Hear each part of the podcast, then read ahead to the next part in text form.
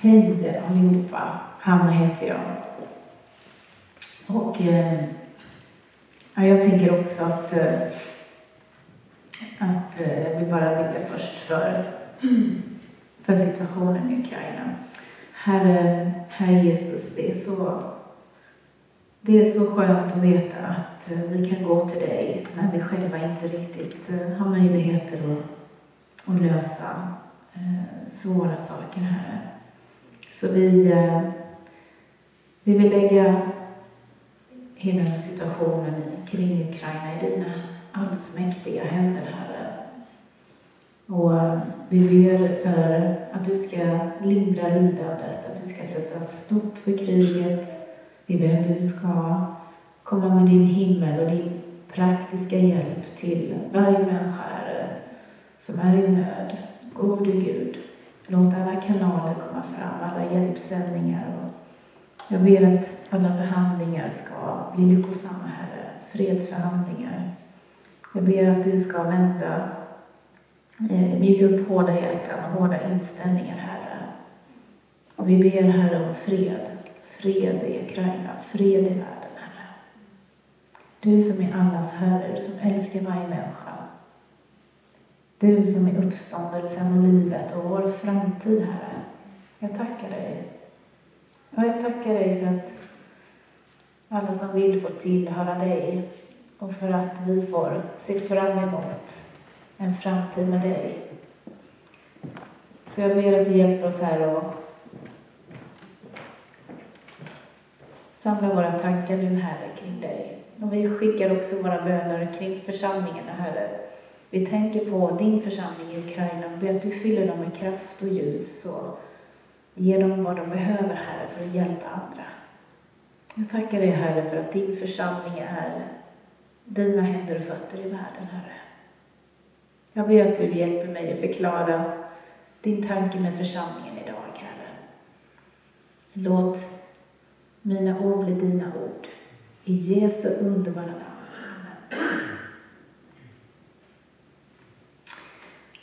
Ja. Ni vet, jag hade inte stått här idag om det inte hade varit för Guds församling. När jag var liten så hände det att jag läste Bibeln ibland. Men jag förstod inte särskilt mycket. Det hände också att jag bad till Jesus när jag var i svårigheter. Men det var inte förrän jag som vuxen fick möta Guds församling som jag fick möjlighet att verkligen förstå och möta Jesus. År 2001 så tog min syster med mig till ett vinjardläger i Danmark. Och där fick jag höra en dansk pastor berätta om vad Jesus hade gjort i hans liv. Och jag blev väldigt berörd av det och jag lät honom be för mig. Och vid den här tiden så plågades jag av mardrömmar varje natt. Men efter den bönen så försvann mina mardrömmar. Och efter några dagar, sista dagen på lägret, så, så var jag villig att, att ge mitt liv till Jesus, att verkligen släppa taget och, och släppa in honom. Den här danske pastorn som hade bett tillsammans med mig. Han presenterade mig för Jörn Hjort som var pastor i Göteborg Vinjard vid den tiden. Och eh, han presenterade mig för församlingen. Jag fick efter ett tag komma med i en hemgrupp, en slags bönegrupp som vi har i veckorna i hemmen. Och eh, där förklarade Roger för mig att alla som tror på Jesus kan höra hans röst. Och han berättade för mig om det profetiska.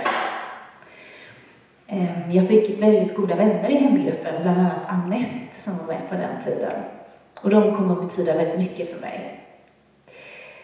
Det fanns en kille som hette Daniel som alltid hade en sliten liten fickbibel i bakfickan. Vart han än gick, alltid. Och han, jag förstod inte varför han hade den där, för han kunde i stort sett bibeln utan till. Men han förklarade det ena krångliga bibelstället efter det andra för mig, för jag hade ju massor av frågor. Så småningom så fick jag vara med i ett lovsångsteam, för jag tyckte väldigt mycket om lovsång.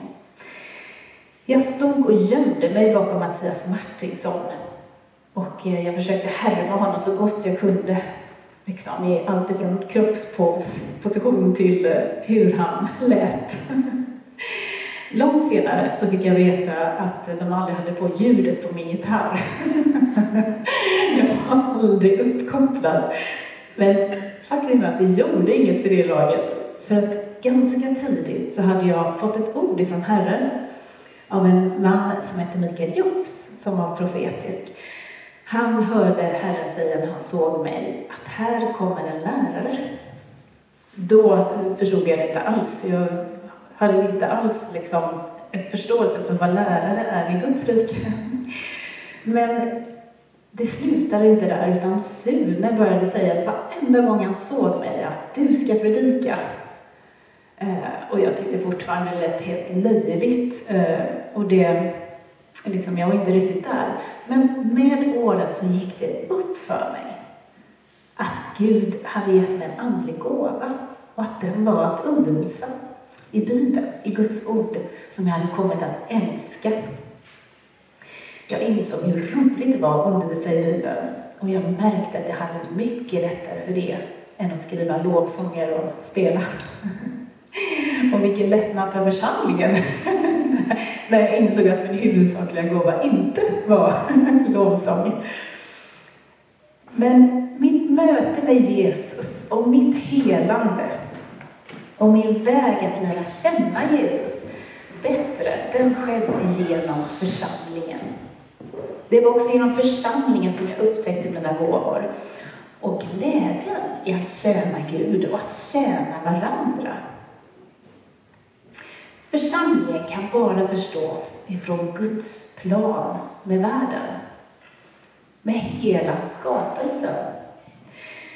Gud skapade världen och det står i Första Mosebok att allt som Gud gjorde var gott.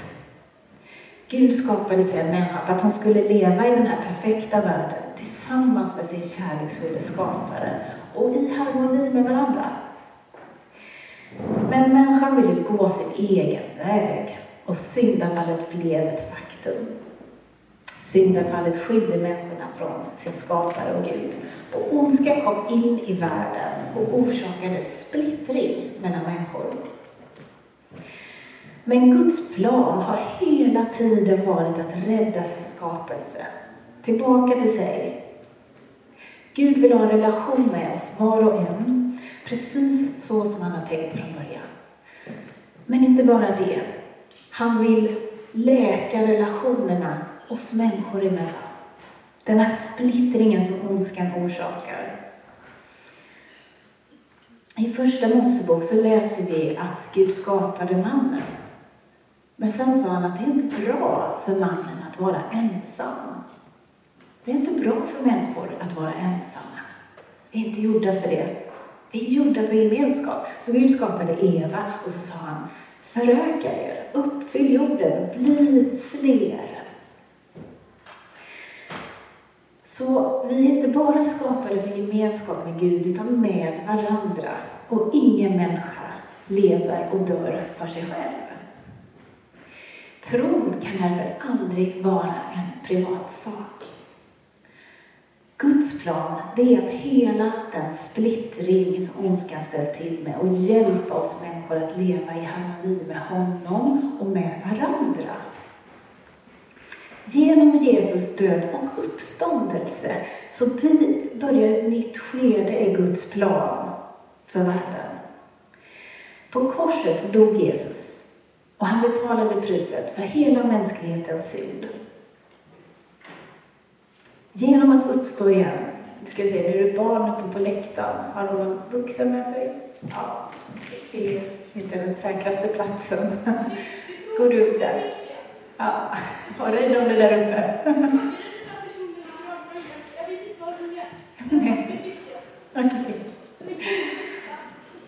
Ja. Eh, vi ska sätta en bättre reling där uppe vid läktaren snart. Mm. Var var jag? Jo, genom att uppstå efter korset så besegrar Jesus synden och döden och ondskan och erbjuder alla som vill att leva tillsammans med honom, i gemenskap med honom. så tar vi emot vad Jesus har gjort så blir det starten på en reparerad relation med Gud. Men inte bara det. När vi tar emot Jesus, hans kärlek och hans heliga Ande så börjar vi förvandlas. Och Guds tanke är också att relationer oss emellan ska repareras. Guds församling är början på en ny mänsklighet som lever i harmoni, så som Gud hade tänkt. Och från det att vi kommer till tro på Jesus och får ta emot den helige Ande så börjar den här reparationen i oss. Och Guds Ande hjälper oss att lära känna Gud och att kunna leva tillsammans utan att kivas och bråka och såra. Vi ser början på den här reparationen vid pingsten i Bibeln, i Apostlagärningarna. Den helige Ande kommer över lärjungarna i Jerusalem. Jesus har dött och uppstått. Och så sa han, vänta här så ska jag sända min ande. Och när anden kom över lärjungarna så gick de genast ut i Jerusalem. Och till sin förvåning, och alla andras förvåning, för här var ju förmodligen analfabeter många av dem, lärjungarna alltså, fiskare, obildade. Till allas förvåning började de prata på många olika språk. De började talas om Gud och Jesus och Guds underbara gärningar i Jesus för människor som kom från olika länder och som hade rest som pilgrimer till Jerusalem för att fira pingsten, den judiska pingsten, shabbat eller vad den heter. Här ser vi hur Gud börjar ena mänskligheten. Plötsligt så försöker Gud att nå alla de här människorna som alla förstår vad Jesus har gjort. Och den dagen tar 3000 människor emot Jesus och kommer till tro. Församlingen börjar växa. Den här församlingen var internationell. Här var det människor som kom från alla möjliga länder. Och ganska snart så började Guds helige Ande tala med lärjungarna om att även hedningarna, alltså de som inte var judar, skulle komma att inkluderas i Guds nya mänsklighet. Alla förenade genom tron på Jesus och alla fyllda med en och samma ande, hans ande. Den här första församlingen, de levde i en väldigt nära gemenskap med varandra. De visade varandra omsorg och de delade på allt. De levde i tillbedjan och i glädje som vi såg den här församlingen i Kiev. En glädje mot alla odds, en himmelsk glädje. Och de, står det i Apostlagärningarna, var omtyckta av alla. Jag tänkte vi ska läsa om den här första församlingen. Här har ju anden precis utgjutits, så alla är fyllda av Guds ande. Och då händer det här. Kapitel 2, vers 42 47, ni som har med biblar. Ska vi se, jag ska bara hitta rätt bok i Bibeln. Här. 2.42. De höll troget fast vid apostlarnas undervisning och vid gemenskapen, brödsbrytelsen, alltså nattvarden, och bönerna. Varje själ greps av bävan och många under och tecken gjordes genom apostlarna. Alla de troende var tillsammans och hade allt gemensamt.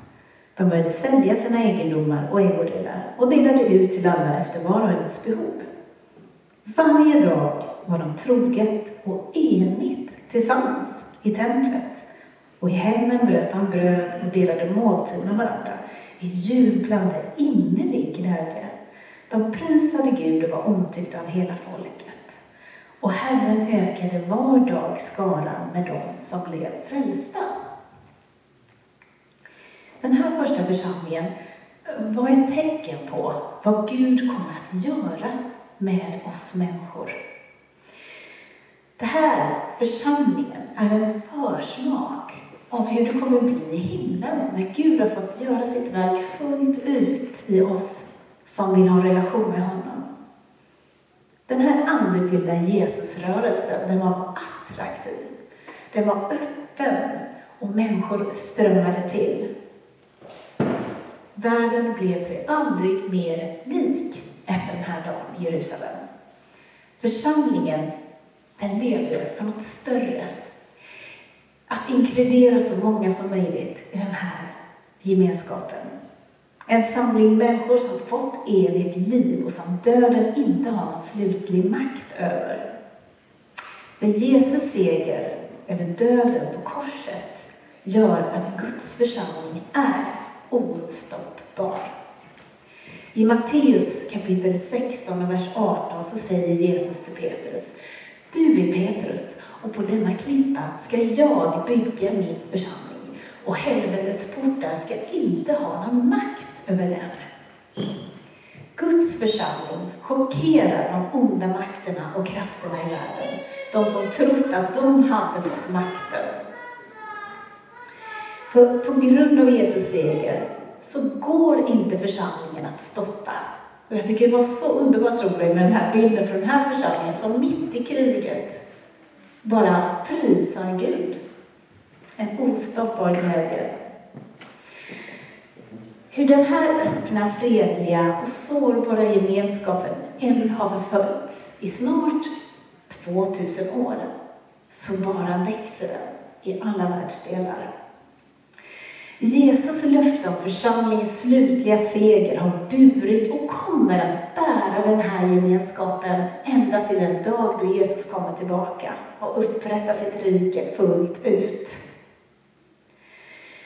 Guds församling kommer stå fast. Församlingen, säger Paulus i Efesierbrevet, har på det här viset varit Guds hemlighet som började visa sig efter Jesus uppståndelse och Andens utgjutelse i, i eh, Jerusalem i Pilsen. Församlingen ska fortfarande idag vara ett tecken för människor om vad Gud har tänkt göra med om hur han tänker ena mänskligheten i sig själv. Det är en försmak på vad som kommer att hända i tidens slut, säger Paulus, nämligen att sammanfatta allt i Kristus. Det är det här som är hemligheten med församlingen.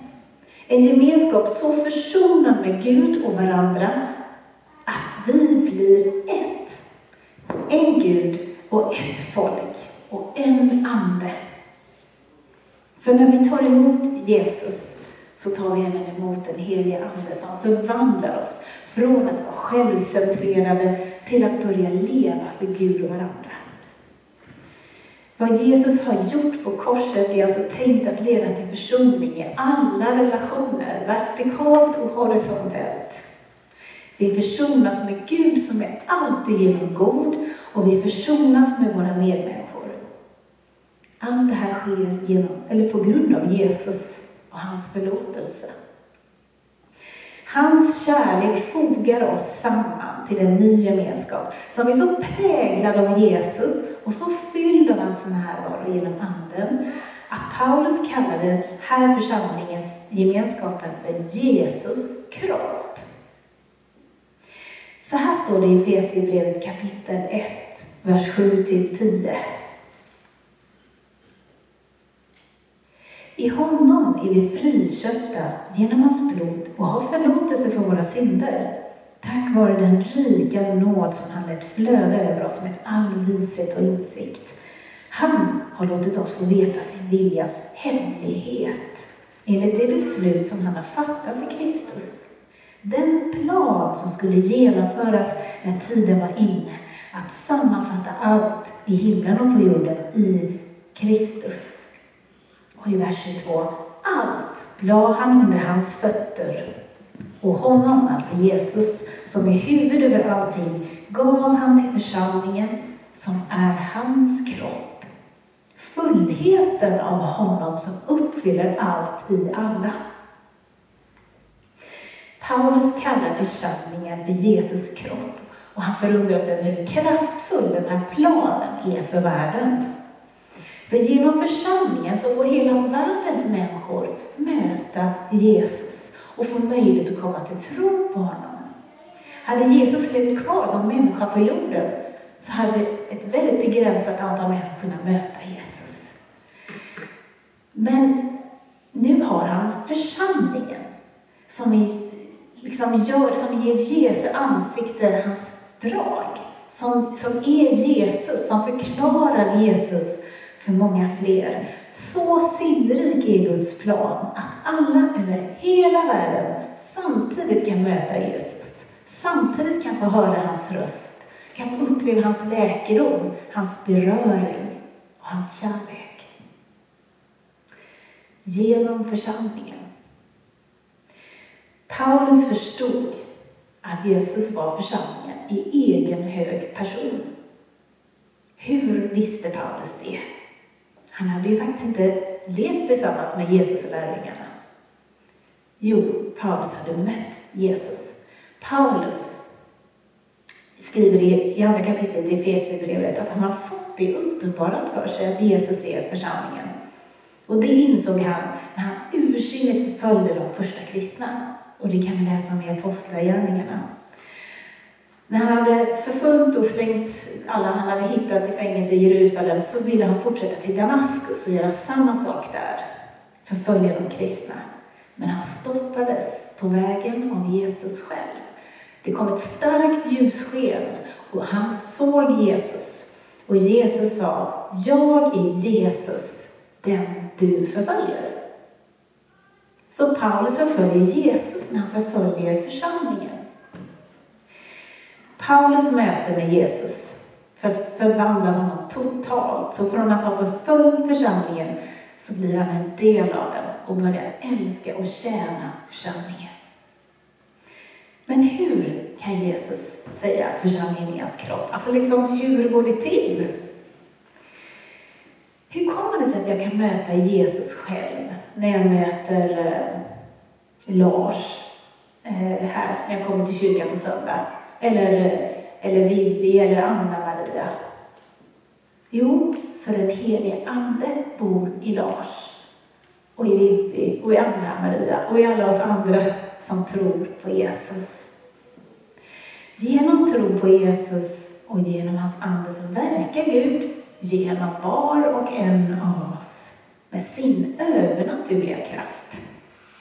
Och Jesus fogar oss samman till en enhet till en andefylld församling som tillsammans ger Jesus hans andlighetsdrag, hans kropp.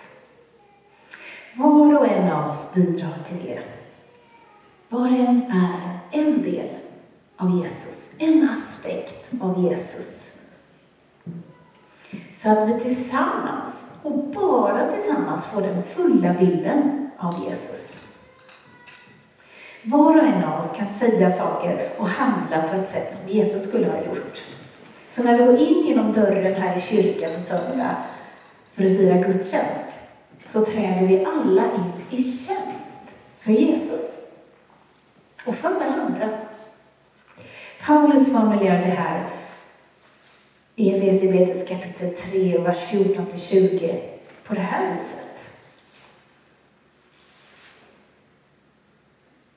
Därför böjer jag mina knän inför Fadern, han ifrån vilket allt som kallas far i himlen och på jorden har sitt namn. Jag ber att han i sin härlighets rikedom ska ge kraft och styrka åt er inre människa genom sin Ande. Och att Kristus genom tron ska bo i era hjärtan och att ni ska bli rotade och grundade i kärleken. Då ska ni tillsammans med alla de heliga alltså alla vi som tror på Jesus, kunna fatta djupet, nej, bredden, längden, höjden och djupet och lära känna Kristi kärlek som går långt bortom all kunskap. Så ska ni bli helt uppfyllda av Guds fullhet. Han som kan göra långt mycket mer än allt vi ber om eller tänker oss genom en kraft som verkar i oss alltså Guds ande. Det här betyder alltså att jag kan inte lära känna Gud på egen hand. Jag kan inte det. Jag behöver församlingen.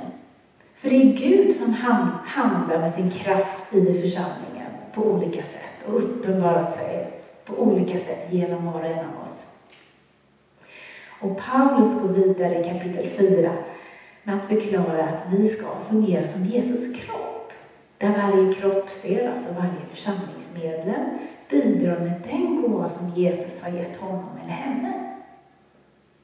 På så vis så bidrar varje del till att bygga upp och ge styrka åt hela kroppen. Och kroppen får en allsidig funktion. Om inte alla delar är på plats och i funktion så är vi en funktionshindrad kropp. Därför säger Paulus i Första Korintierbrevet kapitel 14 att när vi firar gudstjänst så har var och en något att bidra med. Det här är väldigt bra. Vi läser det också. Jag läser från Första Korintierbrevet kapitel 14, vers 26 och vers 31. Hur ska det då vara, bröder? Jo, när ni samlas har var och en något att ge. En psalm, en undervisning, en uppenbarelse, ett tungotal och en uttydning. Låt allt bli till uppbyggelse. Ni kan alla profetera en i sänder, så att alla blir undervisade alla blir uppmuntrade. Guds närvaro och vad han vill göra ibland oss kommer genom varandra. Församlingen kommer aldrig blomma ut i sin fulla funktion, i sin fulla kraft, om inte var och en av oss låter oss infogas i församlingen och komma i funktion. Att du kommer till våra gudstjänster och hemgrupper och att vi kommer med våra andliga gåvor och ger dem till varandra. Det är därför det är så viktigt att vi får undervisning om de andliga nådegåvorna och att vi kommer i funktion i dem. Paulus skriver i första Korintierbrevet att vi ska inte vara okunniga om de andliga gåvorna utan vi ska ivrigt sträva efter att få dem. Så vi kommer att prata mer om de andliga gåvorna. Mattias Martinsson kommer att predika om det och vi kommer att prata om det profetiska och vi för sjuka och att tjäna Gud genom att ge och allt det här framöver i vår. För vi möter Gud genom varandra. Det är så Gud tänkt. Det är hans smarta plan. Ingen har allt, utan vi knyts samman genom att vi behöver varandra. Alla känner varandra i ett kärleksfullt och tacksamt utbyte. Jag har så många exempel på detta som jag har sett. Och jag har tidigare i en gudstjänst berättat om en hemlös som eh, gick till en gudstjänst i Virginia i USA. Ehm, och eh, han gjorde det för att de serverade mat i entrén och han var hungrig. Efter att han hade ätit sig mätt så blev han nyfiken på gudstjänsten som pågick så han gick vidare in i gudstjänstlokalen. Och där i lovsången så var Guds närvaro så intensiv så bara att han satt där i gudstjänsten gjorde att han blev hela på sitt ena öga som han hade varit född blind på. Utan att ens någon hade lagt händerna på honom och be. Förvånad och glad så började han ju fråga folk liksom där. Eh, det händer någonting med mitt öga, jag kan se vad är, vad är det här som händer? Och, och de fick förklara Jesus för honom och Jesus kraft. Jesus läkedom och kärlek och han tog emot Jesus i sitt liv. Och sen fick han ju hjälp att reda ut sitt liv, att komma på fötter igen, att få en bostad. Och när jag besökte församlingen så var det han som öppnade dörren för mig och hälsade mig välkommen. Och jag reagerade över det, liksom strålade ur hans ögon. Och eh, då berättade man det här för mig, om honom. I varje moment så var det någon i den här församlingen som tjänade sin gåva. Någon hade skänkt pengar så att församlingen kunde köpa in mat, att laga till de hemlösa. Någon hade lagat maten, någon hade gjort disken efteråt. Någon hade förklarat den kristna tron för mannen. Några stycken hade lett lovsången. Och jag tror att flera eh, efter mannen hade kommit till tro gav honom praktisk hjälp eh, med boende och arbete. Så att han själv till slut stod där och började tjäna andra. Församlingen som som Jesus kropp i världen har ett uppdrag. I Johannes kapitel 17 så ber Jesus för sina lärjungar och för den kommande församlingen. Och så säger han, jag ber inte att du ska ta dem ut ur världen, underförstått, för världen behöver dem. Så som du har sänt mig så sänder jag dem in i världen. Säger Jesus och han ber. Församlingen har haft Guds tanke hela tiden. Den är hans intelligenta och mångfacetterade svar på hur världen ska räddas genom att nås av Jesus. Kyrkan förmedlar Guds närvaro och hans handlande i världen. Av det vi läste om den första församlingen i Apostlagärningarna och av det vi hörde om den här församlingen i USA så ser vi och vi förstår att det här innebär att också vi måste aktivera oss och gå ut som församling och börja göra gott och våga berätta om vår tro för andra. Så att de också ska få möta Jesus. Och vi bidrar inte bara med våra andliga gåvor i församlingen, utan vi bidrar också med våra pengar. Och vi bidrar med våra praktiska insatser till den här familjegemenskapen. Vi kommer med hela våra liv in i församlingen och vi delar på det vi har. Vi ger varandra av det vi har. Den här församlingen blir Jesus. Den blir hans händer och fötter. Den blir hans hjärta till människor. Vårt uppdrag är att sprida Guds rike i världen, inte bara genom att berätta om Jesus och be för sjuka, utan också genom att hjälpa nödlidande och verka för rättvisa och fred. Det här, säger Bibeln, ska ske genom den lokala församlingen på varje plats. Genom att hjälpa och förvalta ett liv i taget. Så församlingen är alltså inte vår intresseförening. Den är Guds verk. Vi är Guds kropp.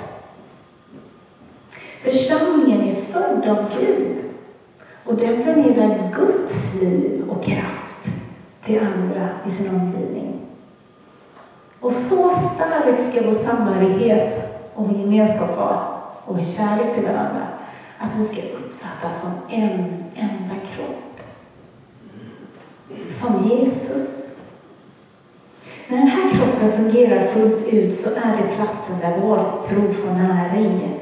När vi samlas till gudstjänst eller hemgrupperna och ber och lyssnar till Guds ord eller tar nattvard så får vår tro syre och kraft. Och på så vis bevaras vi i en levande tro. Men även genom församlingen som Gud har valt att göra sig känd för världen Församlingen är Guds underbara plan för att Jesus ska kunna möta och röra med människor var de än befinner sig i världen. Församlingen är tänkt att vara en försmak av en ny försonad mänsklighet som lever med varandra i utgivande kärlek och som är Jesus i världen. Jag är så glad att jag är med i en församling, att jag får vara med och bygga det här tillsammans. Kan vi få uppleva mer och vara Jesus ännu mer. Och det här är någonting vi får växa i. Ska vi be? Herre Jesus, himmelens och jordens Herre. Tack för att vi kan få vara du i världen, Herre. Hjälp oss med denna uppgift. Kom helig Ande över oss. Kom helig Ande. Gör ditt verk ibland oss och i oss. Jag ber att du ska bygga den här församlingen och att det är du som ska få bli synlig ibland oss. Att du ska bli ärad och älskad, Herre i det här närområdet. Eller vad vi än går fram här i vår vardag.